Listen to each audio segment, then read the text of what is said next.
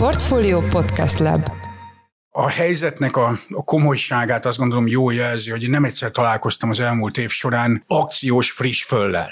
Tehát nem elég, hogy nem föl a dolog, hanem egy kicsit minőségében butított termék, de még azt is akciózni kell ahhoz, hogy megfelelő mennyiségben menjen.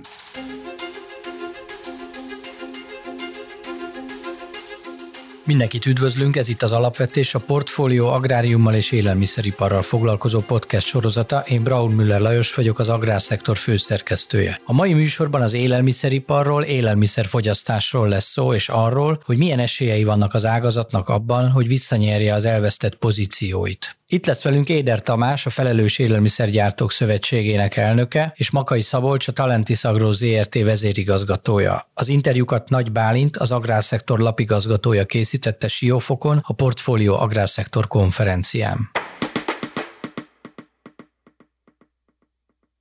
Itt vagyunk az Agrárszektor konferencián Siófokon, ez az év talán egyik legnagyobb agrárrendezvénye, és itt van velem Éder Tamás, aki a Bonafarm csoport vállalati kapcsolatokért és kommunikációért felelős igazgatója, továbbá társadalmi elnöke a Magyar Húsiparosok Szövetségének, illetve a Felelős Élelmiszergyártók Szövetségének. Üdvözlöm a kihelyezett podcast stúdiónkban. Szép jó napot kívánok mindenkinek! Az egzisztenciális válság hatására úgy látjuk, hogy a, és azok a visszajelzések, hogy a fogyasztók elkezdtek lefele vásárolni, és hiába csökken az infláció, gazdasági szakemberek azt mondják, hogy a megélhetési költségek még sokáig jelentős részét tehetik ki a magyar családok költségvetésének.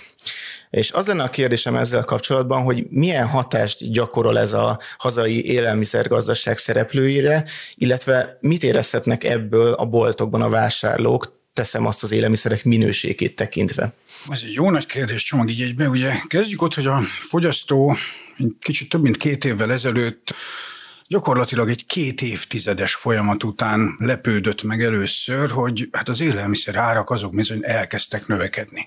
Tudom jól, hogy a pszichológiája miatt 5-6 évvel ezelőtt is, hogyha megkérdeztük volna a fogyasztót, hogy na hogy viszonyul az élelmiszer árakhoz, akkor azt mondta volna, hogy jó, hát növekednek, de hogyha megnézzük a statisztikai adatokat, akkor a reál árai az élelmiszereknek gyakorlatilag 90-es évtized közepétől kezdődően folyamatosan csökkentek, vagyis a jövedelmünkhöz képest az élelmiszerek árának alakulása az olyan helyzetet teremtett, hogy mind kevesebbet kellett a teljes jövedelmünkből élelmiszerekre fordítani.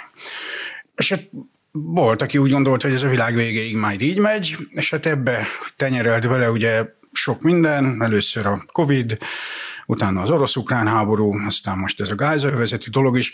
Ez így együtt hozott egy olyan hatást a világpiacokon, ami először a mezőgazdasági termények piacán volt érzékelhető, de hát ugye csodák nincsenek. Az élelmiszeripar számára a mezőgazdasági termények a legfontosabb összetevők, az önköltség struktúrában a legfontosabb szereppel ezek bírnak, úgyhogy ezek megjelentek az élelmiszerek önköltségében, majd azok átadási árában és így a fogyasztói árakban.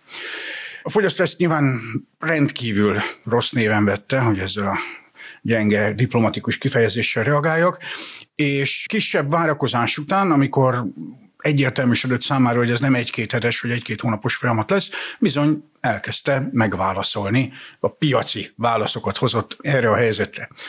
És ahogy a kérdésben is önfeltette, a válaszok egy része az azt hozta, hogy mennyiségileg csökkentette a fogyasztását, elkezdett spórolni a megvásárolt mennyiségeken, és a másik, ami legalább ilyen fájdalmas az élelmiszeripar szereplők többségének, hogy elkezdett a minőségben is engedményeket tenni. Vagyis az olcsóbb, gyengébb minőségű, nem brandelt, a kiskereskedelmi láncok úgynevezett kereskedelmi márkás private label termékei felé nyitott, Úgyhogy a kettős hatás eredményeként az élelmiszeripar azzal szembesült, hogy gyengébb minőségű terméket és kisebb mennyiségben vásárolt a fogyasztó.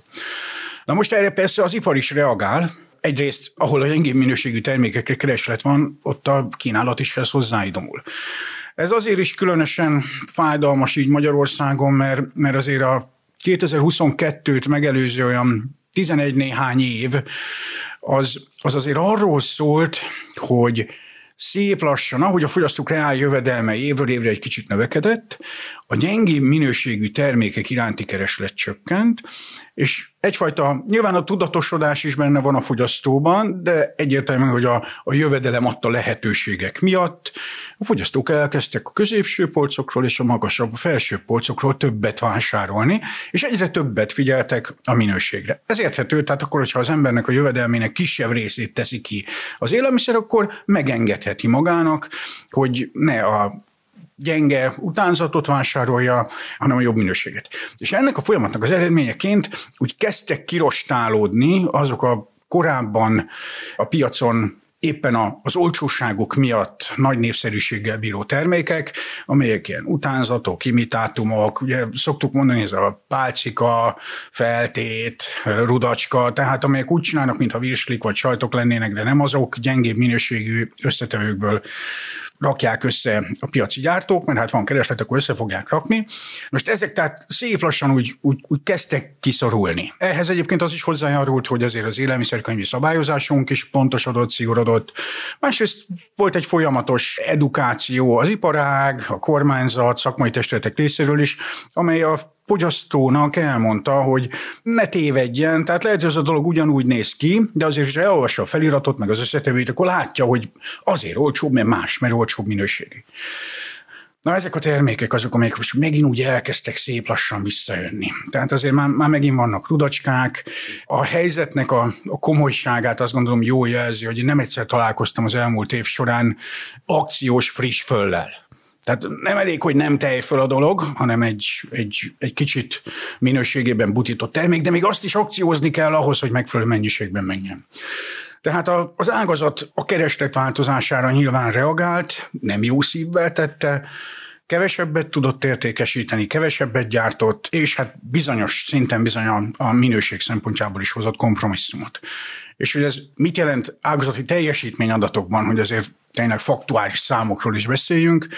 A magyar élelmiszeripar teljesítménye az idei év első felében a naturáliákat tekintve, tehát a nevezett volumenindexét tekintve közel 15%-os visszaesést produkált az egy éven megelőző időszakhoz képest. 2000-ig lehet visszamenni a KSH nyilvános adataiban, ilyen struktúrában, ahhoz, hogy megtekintsük az adatokat, közel ilyen mértékű visszaesése nem volt az élelmiszeriparnak. Még a legválságosabb időszakokban is 6-8-10 százalék körül visszaesést úgy időszakosan produkált, de hogy egy fél év alatt 15 százalékos visszaesés legyen, ilyet nem találunk. A harmadik negyed év már egy kicsit jobb mutató, abban a tekintetben, hogy még mindig visszaesés, de már inkább csak a 10 százalék környéki szinten. Úgyhogy az a várakozásunk, hogy mindazokra a fogyasztói elvárásokra és kényszer döntésmódosításokra, amelyekkel szembesültünk, az ipar bizony úgy volt kénytelen válaszolni, hogy éves szinten valószínűleg valahol 10%-kal csökkentette a termelését. Az innovációban is meglátszik ez? Azt gondolom, hogy ha csökken a profit marzs, mert ugye lefele vásárolnak, hogy eleve kevesebbet költenek a fogyasztók, akkor kevesebb marad arra, hogy esetleg fejlesztenek. Akár ez egy ördögi kör is lehet, nem csak az innovációban, de a, de a beruházásokban is. Egyéb termékfejlesztésekre gondolok. Van. És... Igen, itt most egy nagyon érdekes helyzet kreálódik a magyar élelmiszeriparban. Ugye az természetes, hogy egyébként is azok tudnak a jövőbe többet investálni és fejlődni és előrelépni, akik a mai gazdasági helyzetű kokán képesek arra, hogy, hogy fordítsanak összegeket termékfejlesztésre, modernizálásra, robotizációra, ő tudja mire, ami a hatékonyságukat, illetve a termékeiknek a minőségét, megjelenését javítja. Ugyanakkor az ágazat szereplőinek egy jelentős része most tényleg azért küzd, hogy a feje a víz fölött maradjon. Nyilván azok, akik még ebben a helyzetben is képesek újítani, beruházni, azok jelentős előnyre tehetnek szert a többiekkel szemben. Tehát az a fajta dualizmus, ami az élelmiszeripart is jellemzi Magyarországon, az azt gondolom, hogy még inkább erősödni fog. És a, a helyzetnek az érdekessége az, hogy mindezt ebben a szituációban valószínűleg felgyorsítja az a jelentős fejlesztési támogatási összeg, amelyel kapcsolatban a kormányzat ugye jövőre ígér pályázatokat. Most akkor, amikor az iparág egészen, tehát mondjuk esik 10 ot és, és tényleg mindenki az utolsó pilléreket keresi, hogy valahogy a, a mérlegés eredmény kimutatását évvégén pozitív szinten tartsa, hogy a banki hiteleit ki tudja fizetni, hogy a megemelt rezsiköltségeit ki tudja fizetni, akkor beesik egy ilyen jelentős támogatási összeg, amivel nyilván azok fognak tudni élni, akik most is egy kicsit jobban vannak. Ezáltal az az előbbi által említett dualizálódás még inkább jellemző lesz, és az ágazatban valószínűleg felgyorsul az a konszolidációs folyamat, ami egyébként szép lassan zajlik, és, és nyilván külső szakértő azt mondaná, hogy arra is szükség is van. Én, mint egy szakmai érdekképviseleti vezető, nyilván nehezebben mondom ezt, de a gazdaság törvényszerűségei okán nem cáfolható ez, ez a dolog. Tehát amit most előre lehet látni, tehát, hogy az ágazat szereplői válaszoltak erre a, kihívásra, és azok, akik képesek most is innovatívan, fejlesztően működni nap mint nap, azok valószínűleg a közeljövőben jelentős előnyre tesznek szert a többiekkel szemben. Ez a konszolidáció egyébként nem tipikusan magyarországi folyamat. Tehát azért ne gondoljuk azt, hogy az élelmiszerfogyasztás csak Magyarországon csökkent. Gyakorlatilag az EU-ban minden egyes országban kisebb, nagyobb mértékű csökkenés volt. Vagyis az ipar egész Európában azzal szembesül, hogy kisebb kereslettel néz szembe. Amit nem tud exporton sem levezetni, mert Ugye tudjuk jól, hogy az európai gazdaság az elmúlt másfél-két évben energia oldalon, finanszírozási oldalon olyan helyzetbe került, hogy egy kicsit drágább minden, mint a legtöbb versenytársunknál, ugye az EU-n kívül.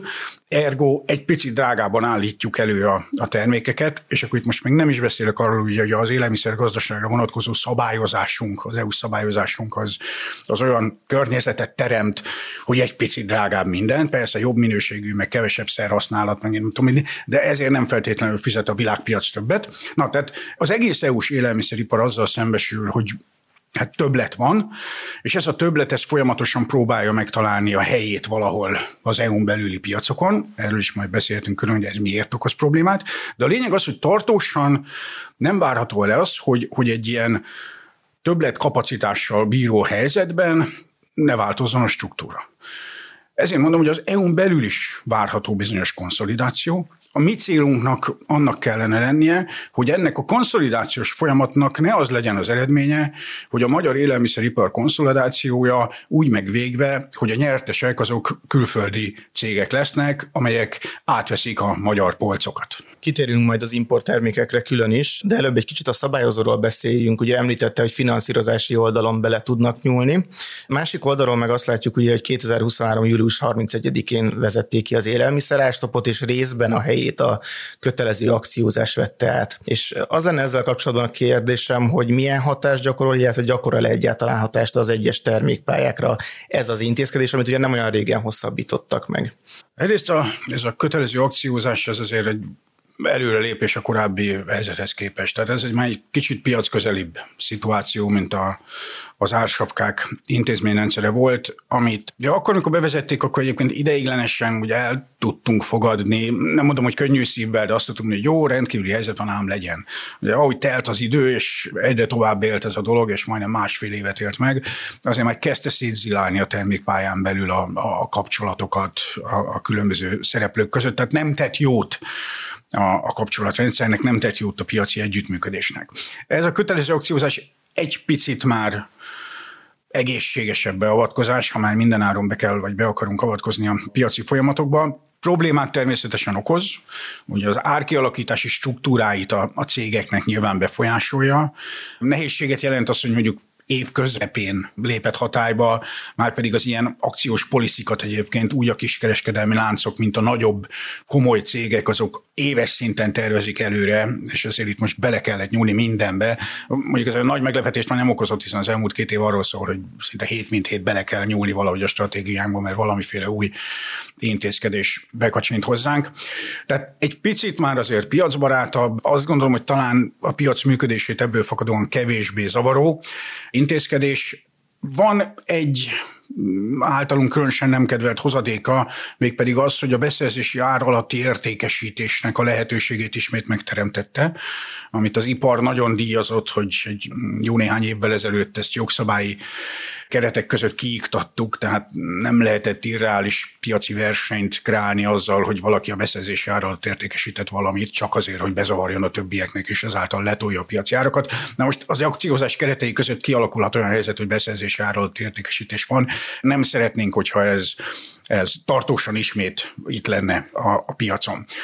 Tehát azt mondom, hogy az előző időszakhoz képest ez egy jobb intézkedés, de nem piacbarát, úgyhogy abban reménykedünk, hogy oké, okay, most meg lett még hosszabbítva, de azért az élelmiszerinfláció is látványosan csökken, tehát szép lassan, hogyha elérjük azt az inflációs célt, amit a kormány teljesen jogosan kitűzött maga elé, azt gondolom, hogy ezeket a rendkívüli akciós intézkedéseket is ki kell vezetni. Említette, hogy előfordulhat, hogy a beszerzési ár alatti értékesítést kell sajnos a, az értékesítőknek alkalmazni jól látom, hogy ugyanaz a probléma fent áll, mint a tavalyi évben is, hogy a, a feldolgozók vannak a legszorultabb helyzetben. Tehát nyilván alulról van egy árnyomás a, a, a termelők felől, felülről kereskedői nyomás van, és akkor még jönnek a magas gyártási költségek, stb. Tehát, hogy eléggé, Ez egész eléggé szűk a... van. De én szeretek fel lenni, szakmai érdekképviselői pozíciómmal ellentétben nem mindig mondom azt, ami a legjobb a mi szakmánknak, a tavalyi év részben arról szólt, hogy a kiskereskedők igenis tompították azt az árnyomást, ami egyébként a piacból kijött volna. Ha a tavalyi adatait nézzük, akkor azt látjuk, hogy a mezőgazdasági termelői árak, tehát azok, amennyiért mi, mint élelmiszeriparosok többért vettük a termékeket, az egy 50%-os színnövekedés volt éves átlagban. Tehát egy, egy átlagos mezőgazdasági termény, ami számunkra a legfontosabb önköltség tényező, az 2022-ben 50%-kal került többe, mint egy évvel korábban. Ezzel párhuzamosan sok más önköltségünk is nőtt, ugye nem kell itt ebben a podcastban nem kell a, az energiaárakról, a bérekről beszélni, hiszen mindenki előtt ismert. Most ehhez képest a élelmiszeripar átadási árai azok olyan 31 néhány százalékos növekedést mutattak, miközben az élelmiszer infláció átlagos szintje az pedig valahol 25-26 környékén volt, tehát ez, ez alatt. Az átadási árak növekedése és a élelmiszerek fogyasztói árának növekedése közti különbség az a kiskereskedelmi marsból fakad, hogy most a költségekből vagy a jövedelemből ez teljesen mindegy, a mars egészéből. Tehát a tavalyi év egyébként 21 is ilyen volt, a kiskereskedők a statisztika a kiskereskedők marzsának csökkenését mutatta. A kiskereskedők tényleg megpróbáltak mindent annak érdekében, hogy a lehető leglassabban, a legkisebb fájdalommal tolják rá a fogyasztókra azt a növekedést, ami a piaci folyamatokból eredt. A probléma az, hogy ez, ez az idén már nem így van. Az idei évben gyakorlatilag januártól kezdve minden egyes hónapban az élelmiszerek fogyasztói árának csökkenése, az kisebb mértékű, mint a mi belföldi értékesítési árunk, tehát az iparátadási árának csökkenése. Csökken mind a kettő, érthető módon, tehát ugye az élelmiszerinfláció elkezdett csökkenni, olcsóbbak a termékek, de az látszik, hogy már nem adják annyival kevesebbért, vagy nem növelik csak annyival az élelmiszer árát, mint amennyi az átadási árukból fakad, hanem bizony a marzsukat növelték az a kereskedők. Ez vélhetően egyébként egy ilyen, hát ilyen, ilyen kárenyhítési reakció egyrészt a, a forgalom csökkenésre, ugye a forgalom csökkenésre, hogyha mindened ugyanúgy van, akkor úgy tudsz reagálni, hogyha próbálod a marst növelni. Másrészt a többletterheket valahová be kell építeni a kereskedőknek, de ismétlen még az előző két évben, tehát arról volt szó, hogy igenis tompították az élelmiszerek áramelkedését, az idei évben ez nem igaz. Az idei évben, amíg a statisztikai adatok rendelkezésre álltak júliusig vagy augusztusig, határozottan azt látjuk, hogy sajnos növelik az inflációs nyomást a működésükkel. Ha jól gondolom, akkor most a, az értékesítésben nagyon előtérbe kerül a komparatív előnyöknek az erve, és itt azért bejön az importtermékeknek a kérdésköre, amiről már korábban röviden szót ejtettünk.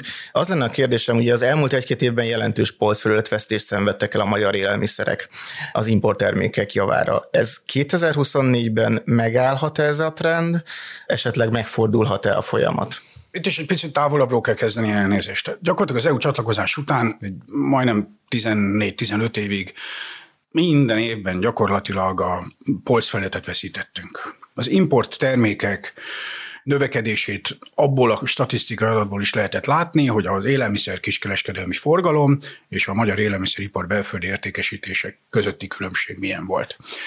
Valamikor 18 volt, azt hiszem az első olyan év, ha jól emlékszem, amikor nem ez történt, és 18 és 22 közötti 5 évből 3 évben ez a tendencia megfordulni látszott. Ennek sok oka van. Egyrészt azért a magyar élelmiszeriparban is elindultak olyan fejlesztések az elmúlt 8-10 évben, vagy 6-8 évben, amelyek a hatékonyság javítását célozták, és a nemzetközi versenyképesség elérését, bizonyos koncentrációs folyamatok is lezajlottak, itt egy percre hagyugoljak ki, jó, és, és fejezzem ki örömömet, hogy, hogy mindaz, amit ma hallottunk eddig a konferencián, mezőgazdasági termelők szájából, jelentős változást jelent a gondolkodásban. Szóval 10-15 évvel ezelőtt ezen a konferencián mezőgazdasági termelőtől nem hallottuk volna azt, hogy szükség van az élelmiszeripar drasztikus fejlesztésére, és ott a koncentrációra, az üzemméretek növelésére, mert hogy az egész ágazat versenyképessége így kerülhet jobb helyzetbe. Ilyet itt kimondottam valaki 10-15 évvel ezelőtt, amikor itt már elnézést, de a média és meg bizonyos szakpolitikusok is csak a kicsi, mikro, hátsó udvarban elkészített élelmiszereket ajnározták, és a nagyiparról kifejezetten dehonestáló kifejezéseket mondtak. Ahhoz képest azért itt a gondolkodásban óriási változás van. És ez meg is látszott azért az elmúlt évek során az élelmiszeripar fejlődésében, és alakulgatnak olyan nemzetközi szinten versenyképes cégeink, amelyek szép lassan polcfelületeket nyertek vissza. Ugyanakkor azt kell látni, hogy azért a magyar élelmiszeripar egészére inkább a minőségorientáltság jellemző, tehát azért az átlagos termékek tekintetében a minőségeink jobbak, mint a legtöbb versenytársunké, de árban nem feltétlenül vagyunk jobbak.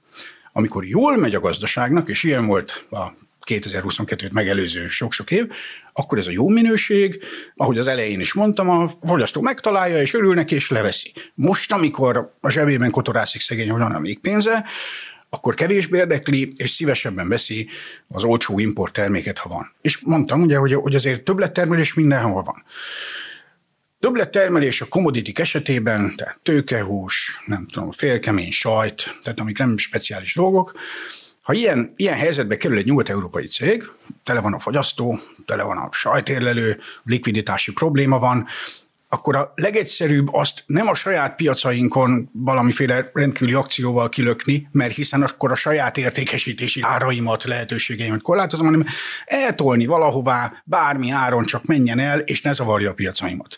Most Kelet-Európa és ezen belül Magyarország nagyon sokáig volt az ilyen típusú értékesítési kísérleteknek a kedvenc terepe. Sokat tettünk azért, hogy ez ne így legyen, és változott is a helyzet. Ugye kiskereskedelmi láncok néhány évvel ezelőtt tettek olyan vállalásokat, hogy meghatározó commodity típusú termékek esetében magyart tartanak a polcaikon. Döntően, vagy kizárólag. Ennek nagyon örültünk, de egyébként ez az ő logikus stratégiájuk is, hiszen hosszú távon mégiscsak az a legegyszerűbb nekik is, hogyha a közelből származó, friss, megbízható jó termék van a polcokon, és nem kell azzal számítani, hogy, hogy néhány havonta el kell venni messzire valahová vásárolni valami terméket. Tehát ez az, ami megváltozott. Az idén azzal, hogy a, a forgalom csökken, és a kiskereskedők is keresik a, az optimalizálást mindenhol, ismét gyakran elcsábulnak és válnak terepeivé az ilyen kényszerlikvidációs termékek értékesítésének. Mi kérjük azt, hogy hagyjanak ezzel fel.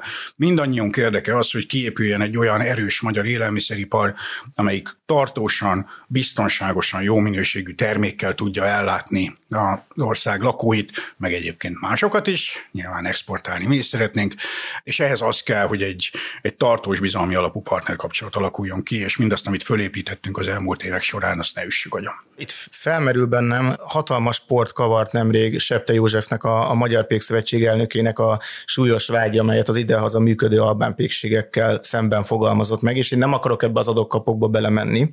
Ugyanakkor felmerül bennem a kérdés, hogy az albánok, vagy hívjuk ezt egy jelenségnek, ennek a jelenléte inkább tünet, mint a probléma maga, és a hazai sütőiparban jóval mélyebben van kódolva egy probléma. És Az lenne a kérdésem, hogy eléggé elgondolkodtató, hogy amik 60-65 forint egy kilogramm kenyérgabona, remzően búza, és 1000 forintot is elkérnek egy kilogramm kenyérért, akkor a gyártási folyamaton lenne még mit csiszolni. Ez, ezt, ezt jól gondolom, vagy itt azért ez egy sokkal összetettebb kérdés? Nagy a verseny ebben az ágazatban, ez biztos. Rendkívül sok szereplő van, sok kicsi közepes, néhány nagy, kiélezett verseny, azt gondolom, hogy, hogy igen, ezek az ezer forintos kenyerekre való hivatkozások, ezek, ezek mindig jól mutatnak, de lehet kapni kenyeret lényegesen olcsóban is, hogyha az ember elmegy érte, meghatározott üzletekben. Az albán típusú eh, pékségek nem most jelentek meg, azért ezek jó néhány éve velünk vannak, rengeteg kérdőjel merült föl a tevékenységük teljes legalitásával kapcsolatban. Ugye a péksütemények esetében is újra és újra fölmerül, hogy a, a magas áfa, ami, ami nemzetközi szinten ezen alapvető élelmiszertermékek vonatkozásában szokatlan, ez hát fölkínálja azt a lehetőséget, hogy a versenyben azok nyerjenek, akik ennek az áfának egy részét valamilyen formában el tudják titkolni. Hogy ez, vagy ugorjak egy pillanatra olyan ágazat, amit jobban ismerek, tehát hogy ez mennyire releváns, a sertés piacon, ami 11 néhány évvel ezelőtt azt mondtuk, hogy a forgalomba kerülő húsoknak szerintünk 30%-a valamilyen áfa manipulált csatornán kerül a piacra. Akkor, amikor végül úgy döntött a kormányzat, illetve az országgyűlés, hogy az áfát egy egészséges, a nemzetközi szintekhez közeli 5%-os szintre tereli, Két éven belül a hivatalos magyar vágási adatok egymilliós növekedést mutattak, ugyanolyan állomány létszám mellett. Tehát a statisztika állomány létszám nem változott, de hirtelen 3,5 millióról fölment 4,5 millióra a vágás két év alatt. Pont az a harmad, amiről beszéltünk, hoppán megjelent. Meggyőződésem, hogy a péksütemények, vagy kenyerek és egyéb hasonló termékek esetében is az egyébként a piactisztítás szempontjából rendkívül fontos áfacsökkenés az hozna ilyen típusú meglepetést, és hirtelen esnének ki olyan szereplők a piacról, akik az elmúlt évek során azért voltak olyan rendkívül attraktívak, nem csak azért, mert a minőségük olyan, amilyen, erről is ugyanolyan sokat lehetett hallani az albánpékekkel kapcsolatban, ebben nem akarok belemenni, hanem azért, mert esetleg a tevékenységüket úgy optimalizálják, hogy abban bizony benne van a, az áfa elkerülés bizonyos szinten. Van, én azt gondolom egyébként, hogy a, a pékszektorban van egyfajta strukturális módosítási igény, és egészen biztos, hogy ez az időszak, ami zajlik, náluk is fog konszolidációs lépéseket hozni. Meggyőződésem, hogy az ágazat további koncentráció előtt áll, és előbb-utóbb egyértelművé válik, hogy mondjuk a nagy kiskereskedelmi láncokat kiszolgáló nagyobb méretű commodity jellegű terméket előállító termelők fognak tartósan megmaradni, és a kicsi, speciális, sajátosan ízesített, ilyen nismárketekre optimált, a helyi ellátásban szerepet játszó kisebb pékek fognak fennmaradni. Kicsiben standard félbarnak kenyeret csinálni valószínűleg középtávon nem reális. Két kérdéskör van még így a végére, és ezt itt szerintem nagyon jól kapcsolódok is. Elhozhatja a vidékfejlesztési program az élelmiszeriparnak azt a fejlesztési hullámot és hatékonyságbeli előrelépést, amire évek óta szüksége lenne az ágazatnak, illetve mit kellene ahhoz szem előtt tartani, hogy ez megvalósuljon. Ugye ez eléggé napirenden van most, és ez itt kapcsolódik ehhez is akár a kicsik és a nagy szereplőknek a, az együttműködése kapcsán. Az első kérdésre elhozhatja, én nagyon remélem, hogy igen. Tehát én nagyon remélem azt, hogy bölcsen megalapozott döntéseket hoznak azok, akik ezekbe a pályázatokba belevágnak. Azt gondolom, hogy ilyen értelemben sokat segít az, amiről beszéltünk, hogy itt most nem mindenki fog tudni pályázni, mert örül, hogyha a következő hónapban kifizeti a villanyszámlát. Itt azok fognak tudni pályázni, és ez nyilván bizonyos támogatottsági, ilyen filozófiai igazságtalanságnak is tűnhet bizonyos köröknek, de azok fognak tudni pályázni, akik biztos anyagi pozíció annak, oda tudják tenni a saját részt a fejlesztésekhez. A bank szóba áll velük még hitelügyletekben, és ezek a cégek, ezek már azért olyanok, akik nem, nem követik el azt a hibát, hogy a vágyaikat öntik betonba, meg gépekbe, hanem megalapozott, tényleg megfelelő üzleti, ilyen piackutatási adatok alapján lépnek, és megnézik azt, hogy, hogy ez, ez nem csak egy modern, hanem hatékony és a piaci szereplők igényeit is kielégítő gyártással bíró üzem vagy cég lesz. Tehát én azt gondolom, hogy igen, ezt segítik a gazdasági körülmények, hogy ebbe az irányba menjünk, de mindenképpen a, abba az irányba ösztönözném a, a döntéshozót is, hogy amennyire lehet a pályázatokat úgy irányítsa, hogy azoknak a, felesleges vagy rossz irányba történő csatornázása a lehető legkisebb eséllyel menjen végbe. Jó eséllyel nem lesz hasonló összeg, ami így rendelkezésre fog állni az ágazat fejlesztésére a következő 6-8-10 évben, könnyen meg lehet, hogy soha, már külső forrásból vagy támogatásból. Tehát nagyon-nagyon bölcsen és nagyon okosan kellene ezt felhasználnunk. De és azt gondolom, hogy igen, nagyon sokat segíthet, különösen azért, mert hát bizonyos még a legjobbnak is azért nehéz a helyzetük, és, és olyan döntéseket kell hozni, ami a középtávú fennmaradásukat segíti. Gondolok itt arra, hogy, hogy még 8-10 évvel ezelőtt, hogyha ha fölmerült a kérdés, hogy na, azt az automata csomagoló valamit, azt megvegyük-e, akkor még mondjuk a legjobb cégek is azt mondták, hogy jó, akkor most csinálunk egy megtérülés vizsgálatot, megnézzük a hat embernek a bérét, aki ezt most műveli, megnézzük, mivel kerül a gép, ó, hát uramisten, 20 éves megtérülés, ebben nem teszünk most. Na, most ezt már senki nem így nézi, mindenki úgy nézi, hogy nincs hat ember, tehát kell a gép, kell az automatizáció, szükség van azokra a modern eszközökre, amelyeket nyugat Nyugat-Európában is alkalmaznak, és ők ezek az erősebb, jobb gazdasági helyzetben lévő cégek meggyőződésem, hogy ilyen típusú fejlesztéseket fognak végrehajtani, párhuzamosan azzal, hogy a, a legtöbb esetben reményeim szerint a kapacitás növelésre is sor kerül, hiszen ez az, amiben itt ismétlem a mai délelőtt is konszenzus volt, hogy szükség van a magyar élelmiszeripari cégek üzemméretének növelésére, mert a nemzetközileg is versenyképes küszöbb méreteket nagyon sok ágazatban nem érjük el. Köszönöm a beszélgetést. Én is köszönöm szépen.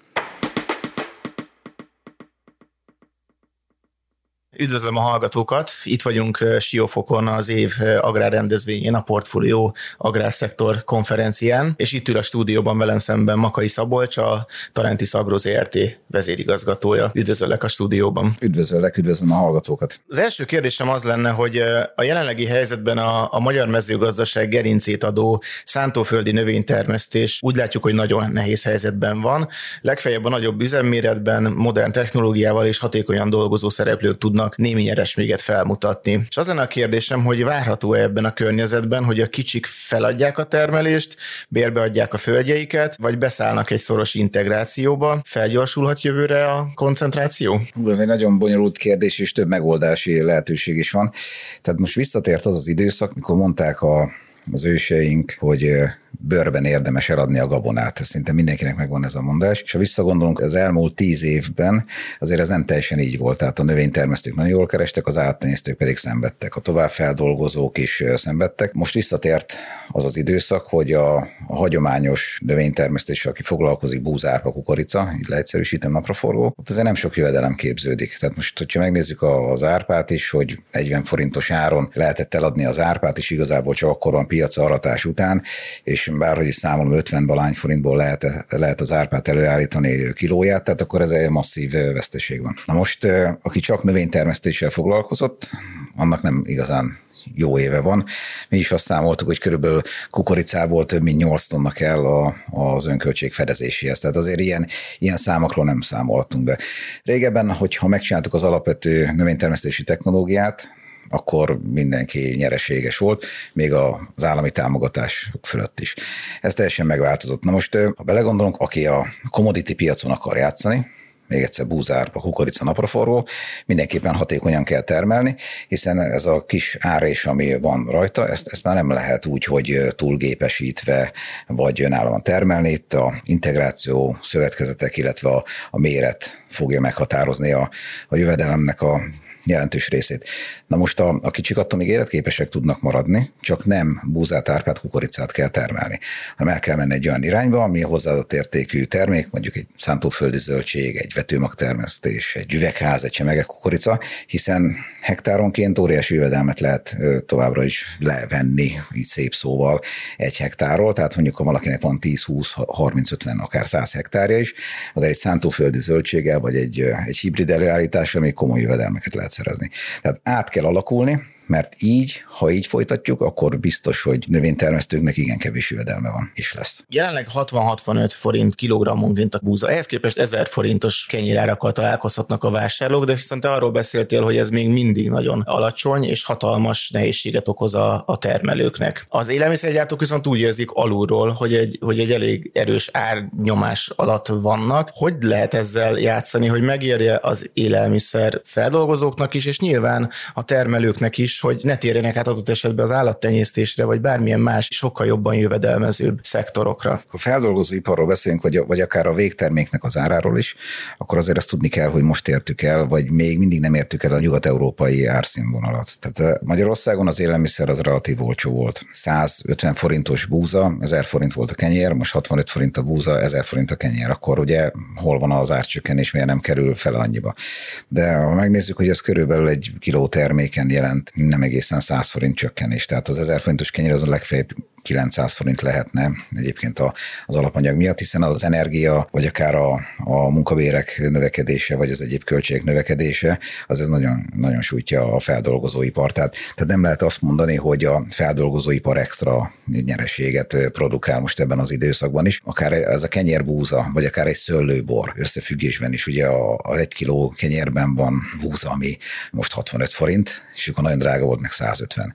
Ha egy palackborban meg van nem egészen egy kiló szőlő, aminek ugye 150 forint az ára, egy palackból meg nem 150 forint. Tehát, hogy, hogy igazából az alapanyag nem feltétlenül lesz határozza meg a tovább feldolgozott élelmiszernek a költségét, mert az igazi alap-alapanyag. Van esetleg mozgástér, teszem azt innovációval, robotizációval, hogy, hogy esetleg közelebb kerüljenek egymáshoz a fogyasztói árak és a teljes értékláncnak a, a, a költségei? Nincs más lehetőség, mert az európai piac, ugye ez egy teljesen szabályozott piac, és ezért azért az európai termékek az európai piacra tudnak termelni. Itt értéket állítanak elő. Hogyha most kilépünk az Európai Unió piacáról, és más farkon kell adni, ott ezek az értékek, tehát mikor visszafogjuk a termelést, az nem jelent értéket egy, egy másik ország vásárlóinak, mikor, mikor mondjuk búzát akar venni India vagy Észak-Afrika, akkor ő búzát akar venni, és nem feltétlenül érdekli, hogy hogyan van ez a búza előállítva, milyen vegyszerekkel volt kezelve, hiszen élelmezés, egészségügyi várakozási idő megvan, akkor ugyanolyan jó búza, hogyha a GMO vagy GMO-mentes, az lehet, hogy érdekel minket, lehet, hogy az észak-afrikaiakat nem érdekli. Tehát, hogyha tömegtermelést akarunk csinálni, akkor mindenképpen a legmodernebb technológiával kell rendelkeznünk, hiszen így tudjuk felvenni az olyan országokkal a versenyt, például Ukrajna, hogy teljesen más szabályozás érvényes. Nem leszünk egyszerűen versenyképesek, vagy ha versenyképesek vagyunk, akkor az, az nagyon határeset lesz. Tehát nekünk azt kell Európai Uniónak védeni a piacot, és mikor kilépünk az Európai Unió kívüli piacra, piacra, azt még nem tudjuk tömegtermékkel megtenni, hanem tovább feldolgozott termékkel kell megtenni, hiszen ott van egy olyan hozzáadott érték, ahol már valóban értéket tudunk teremteni, mert egy kiló búza, egy kiló búza az ugyanaz. Termesztés technológia más, de azt a végfelhasználat nem minden esetben érdekli. Finanszírozási oldalról megvannak ennek az alapjai, hogy ezeket a kellő innovációkat meg tudja bárki valósítani, vagy, vagy azért itt még lenne tér? Ha megnézzük azt, hogy a magyar gazdaságok tőke hiányosak. Mikor olcsó volt a hitel, akkor nem volt gond, hiszen megvoltak a pályázati lehetőségek, az önerőt tudtuk hitelből biztosítani, pár százalékos kamat pár százalék eredmény úgyis van rajta, tehát akkor az, az biztosított volt. Viszont akinek nem fix kamata volt, hanem bubor alapú, akkor azért azért most az egy komoly kihívás elé állítja a mezőgazdaság szereplőit, hiszen ez akkor ár, és már azért nincs rajta. Akkor a tőke szintén nincs, hogy vissza tudják fizetni a hiteleket, tehát ha, ha kedvezményes hitelekből lehet csak ezt megvalósítani bubor alapon. Nagyon reméljük, hogy visszaállnak a régi hitelkamatok, de szerintem egy ilyen 5-6 százalék körül már újra versenyképes tud lenni az agrár akvárium, de beruházás nélkül meg meg fogunk bukni. Ez egy ördögi körnek tűnik most, és jövő évek legnagyobb kihívása is. Tehát itt a, a cél az nem változhat. Tehát, hogy a hatékonyság, ehhez szükséges beruházás természetesen. Most az a kérdés, hogy egy termelő az a gázra lép, vagy a fékre, de a beruházások tekintetében.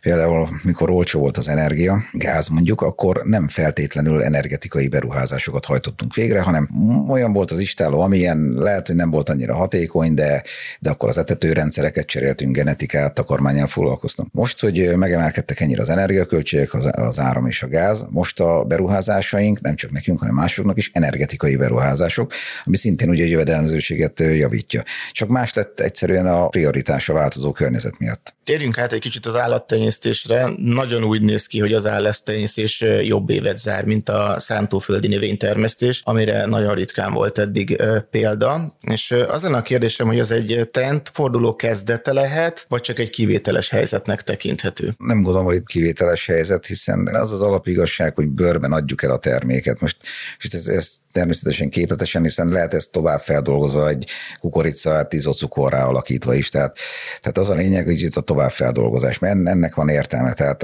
az, az nem volt egy egészséges állapot, hogy a növénytermesztőnek mindig nagyon jó éve volt, hogyha nem felejtett elvetni és műtrágyázni, és megcsinálta minimális gyomírtást, és az állattenyésztők meg a feldolgozóipar pedig szenvedett. Ez nem, nem egy normális állapot. Ez a normális állapot, mikor alacsony jövedelem van egy növénytermesztésnél, és egy hozzáadott értékű terméknél, mondjuk egy izocukornál, vagy akár egy pulyk előállításánál ott keletkezik a nagyobb jövedelem. Szerintem ez fog így maradni, és ez is a helyes út. Közben hallunk olyan véleményeket is, hogy a, az állattenyésztés középtávon áttevődik Európa nyugati feléről a keleti tagállamokba. Ez olyan trend, amin akár nyerhet is Magyarország? Igen, abszolút. Nyugat-Európában elindult ez a mezőgazdaság ellenesség, állattenyésztés ellenesség, tehát egyre több állattartó telep zár be, és a húsfogyasztás is egyébként csökkent, tehát egyre több a vegetáriánus, illetve a vegán. Hát ez életmódváltással függ össze, de egy biztos, hogy itt a Magyarországon, ahol ugye sok az alapanyag, sokkal érdemesebb idehozni az áttenyésztő telepeket, illetve a feldolgozóipart is, hiszen ugye az alapanyagot akkor nem kell szállítani, helyben meg lehet termelni, viszonylag olcsón, hiszen olcsó az alapanyag, nincs kikötő, és utána pedig a tovább feldolgozott terméket lehet vinni Nyugat-Európába. Nem volt, az nem egy normális dolog, hogy a búzát eladjuk Olaszországot, megcsináljuk a tésztát, majd visszahozzuk a tésztát. Ez nem egy jó dolog, se a környezetnek, se pedig a gazdaságnak. Hogyha itt van a búza, akkor itt meg tudjuk csinálni ugyanazt a, a tésztát, és akkor elvisszük mi nyugat Európába tésztát. Milyen stratégia célra vezető a termelői oldalon? Milyen évet zárhat a Talentis Agro, és mire számít a jövő évben? Én a portfólió diversifikálásában hiszek. Én nem gondolom azt, hogy, hogy rá kell állni nagy mennyiségű tömegtermékre, hiszen abba nem vagyunk jók. Ha megnézzük az ukrán tábla méreteket, és mondhattam volna az Oroszország vagy az Egyesült Államokat is. Tehát a, a, nem tudunk velük versenyezni. Nem tudok egy észak-afrikai piacon versenyezni az ukrán-orosz Egyesült Államok beli gabonával. Ezt fel kell ismerni ismerni. Tehát ez azt jelenti, hogy ha, ha commodity akarok előállítani, akkor azt a lehető leghatékonyabban kell csinálnom. Ez az első számú szempont. Hogyha hozzáadott értékű terméket akarok, abban meg minél többet kell csinálni, legyen ez akár szántóföldi zöldség, most mi rámegyünk erősen a paradicsomra, a mákra, a zöldbabra, a vetőmagra, aminek csak az szab határt, hogy nincs megfelelő feldolgozóipar Magyarországon, hogy, hogy át tudjunk mi is, és a növénytermesztő kollégáink is, cégek is, át tudjanak állni nagyobb mennyiségben a hozzáadott értékű termékre. Úgyhogy a feldolgozó ipar fejlesztésével fog változni a mezőgazdasági alapanyagtermelés is. Kiegészítő kérdés, hogy mit gondol arról, hogy a vidékfejlesztési program az elhozhatja az élelmiszeriparnak azt a fejlesztési hullámot, hatóságbeli előrelépést, amire évek óta szüksége lenne? Igen, én biztos vagyok benne. Tehát a, a döntéshozók is felismerték azt, hogy a hagyományos növénytermesztés az nem egy hosszú távú stratégia, stratégia. A vidéken szeretnénk, hogy továbbra is ott lakjanak a, az emberek, akkor a mezőgazdaságnak egy vidék megtartó képességé kell válnia, és ez a hagyományos, konvencionális búzárpa kukoricával most nem fog sikerülni. Tehát mindenképpen, mindenképpen a kormányzat is arra törekszik, hallottuk a miniszter úrtól most itt a konferencián is, hogy olyan beruházásokat fognak támogatni, amelyel nemzetközi szinten is megállja a magyar termék a helyét. Köszönöm a beszélgetést. Köszönöm szépen. Ez volt az alapvetés, a portfólió agráriummal és élelmiszeriparral foglalkozó podcastjének külön kiadása, amelyet Siófokon a Portfólió Agrárszektor konferencián rögzítettünk.